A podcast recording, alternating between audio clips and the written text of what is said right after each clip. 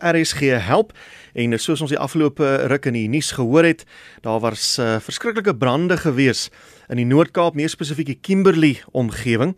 En uh, ons het sy stem al baie gehoor in nuusbulletins en onderhoude en so aan en om ons 'n bietjie meer te vertel en ook om ons te vertel hoe ons kan help, sê ek goeiemiddag aan Nicole Jansen. Hy is die president van Agri Noord-Kaap.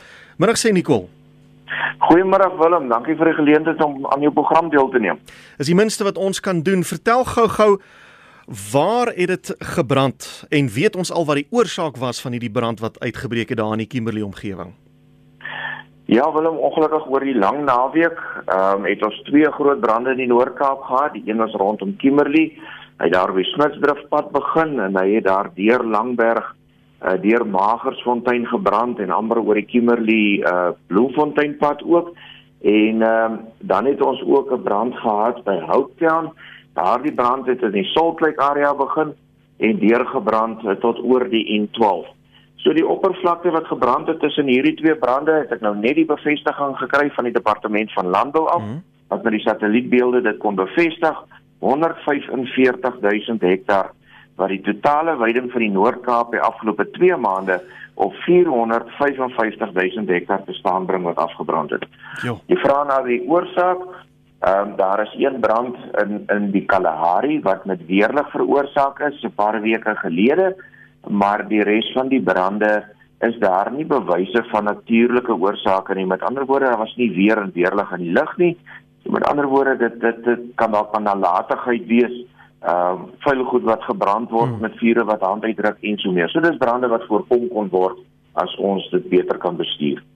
Nou benewens nou veiding en veld, watter skade is nog aangerig? Ja, die die die onmiddellike skade is die veiding wat weg is, maar daarmee saam die infrastruktuur. Weet dat ons drade is gegalvaniseer, wanneer dit warm word, gaan dit af Dit maak dat die drade in die toekoms gaan roes. Die hmm. tweede is dat die staalgedeelte van die drade raak sag. So jy kan die drade nie werklik weer styf kry nie omdat hy aan mekaar rek. Dan jou pale, jou hoekpale, jou krale, jou sparre is uh, meestal van hout en dit het weggebrand. So geweldige skade aan infrastruktuur ten opsigte van omheinings.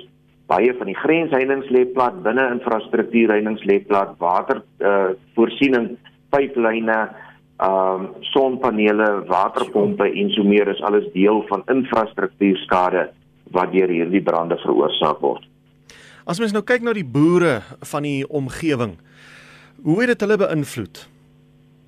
Ja, dit is uh in die eerste wat mens uh moet moet moet erkenning voorgee is binne in hierdie tragedies die mooi wat afspeel hoe dat gemeenskappe mekaar ondersteun. Mense ry tot 100 km om by die vuur te kom om aan grensende distrikte te kom help om hierdie vure te te te blus. Hmm. So baie groot uitreik van gemeenskappe om te kom help onwatsigtig sonder om iets terug te verwag om veg die vure om bure se skade te kan help minimaliseer. En dan daarna hoe gemeenskappe uitreik om veiding aan te bied en alternatiewe opsies te gee. Weet hier is boere wat hulle plase in totaliteit verloor. Jo. Hier is 'n wildsplaas wat sy veiding in totaliteit verloor het. Nou weet jy as daardie heininge dan nou so beskadig is, die diere breek uit, die wild is uit.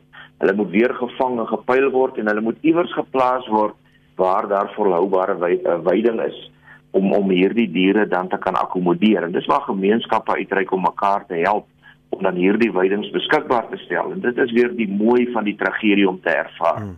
Maar dit maak maar ook 'n behoefte aan rifoer op die kort termyn om net die diere te stabiliseer.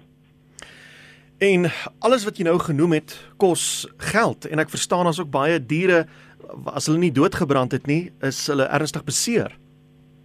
Ja, absoluut. Uh, dit is die uh, groot prioriteit waarna eers omgesien moet word. Daarom het Agri Noord-Kaap onmiddellik 'n fonds gestig 20000 rand bygedra ons het sopas 'n donasie van 'n verdere 20000 rand van die Kapa Mining gekry van sy eienaar sodat ons die veeartse kan ehm um, bemagtig met medisyne. Die ons het 'n hele klomp veeartse wat saamspan wat hulle dienste gratis aanbied om hierdie diere, die wild sowel as die uh domestic animals dan hmm. uh, te versorg en ook die rehabilitasie daarvan. Afriwet het nader gestaan en gesê ons gaan 'n klomp persyne vir hierdie aksie loods.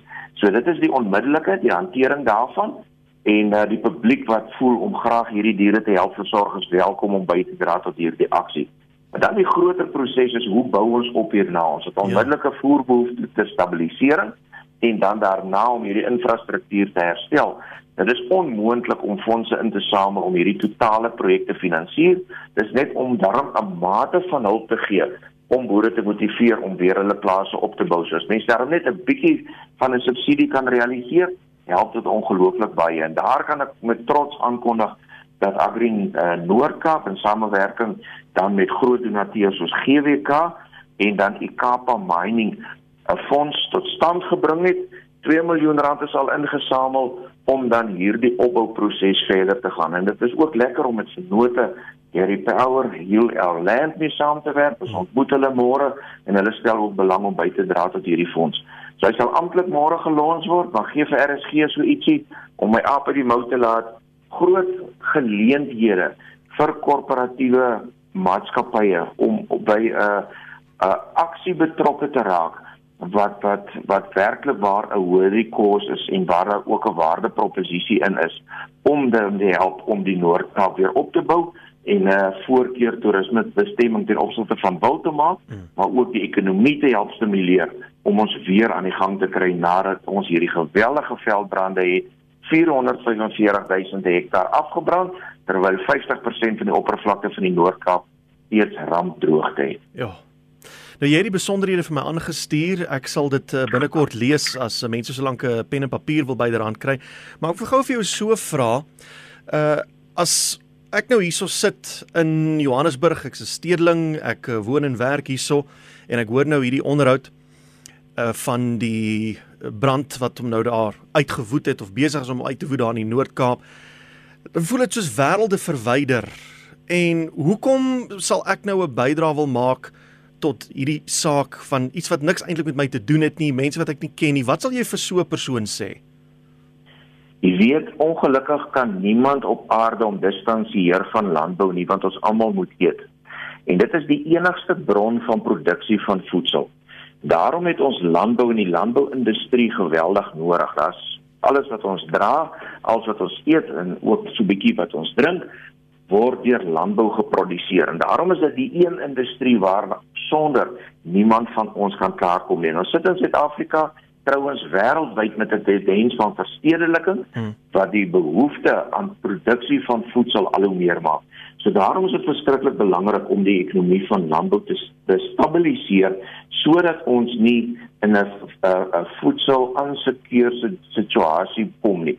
Dus voedselsekuriteit kan hê wat plaaslik geproduseer is, wat bekostigbaar is en wat veilig is, maar dan ook 'n toerismebedryf binne die wildbedryf wat dan vir ons waardevolle buitelandse valuta kan uh, uh, uh, uh, genereer, maar ook om die bewaringseffek van ons uh, wildspesies van ons fauna en flora te te verseker in Suid-Afrika. En dit is wat uh, ons moet op aandag gee en wat kan verlore gaan indien ons nie ons landbousektor uh, uh, kan ekonomies stabiliseer nie. Wel Nicole, ek wil maar net vir uh, julle sê en jou span baie dankie vir die werk wat julle agter die skerms doen en die bystand wat julle lewer en dankie dat julle altyd so beskikbaar is om met die media te gesels en uh, ons uh, maak staat op die goeie werk wat julle doen en ons maak staat op die openhartigheid en die goedhartigheid van die breër publiek om julle te help in julle taak. Ja, verseker Willem, ek wil regtig vir die publiek baie dankie sê wat die Noord-Kaap oor baie jare ondersteun. Ons kom al 9 jaar met hierdie droogte wat steeds nie gebreek het nie. Ehm um, en en nou ook die brande. So vir diegene wat voel om 'n bydrae te maak, gaan besoek asseblief Agri Noord-Kaap se webadres, besoek ons Facebook bladsy. Daar's maklike betaalopsies. Elke sent sal help. PayPal opsies en so meer. Jy sal al die inligting daar kry. Ook as jy die uh, veeartse wil ondersteun om om te sien na die diere wat seer gekry het en brandwonde opgedoen het dat ons daai diere so gou as moontlik aan gesond kry en dat ons hulle lewens kan red. Ons sal groot waardering hê daarvoor. Nicole voorspoed vir julle. Baie dankie Willem, dankie vir die geleentheid.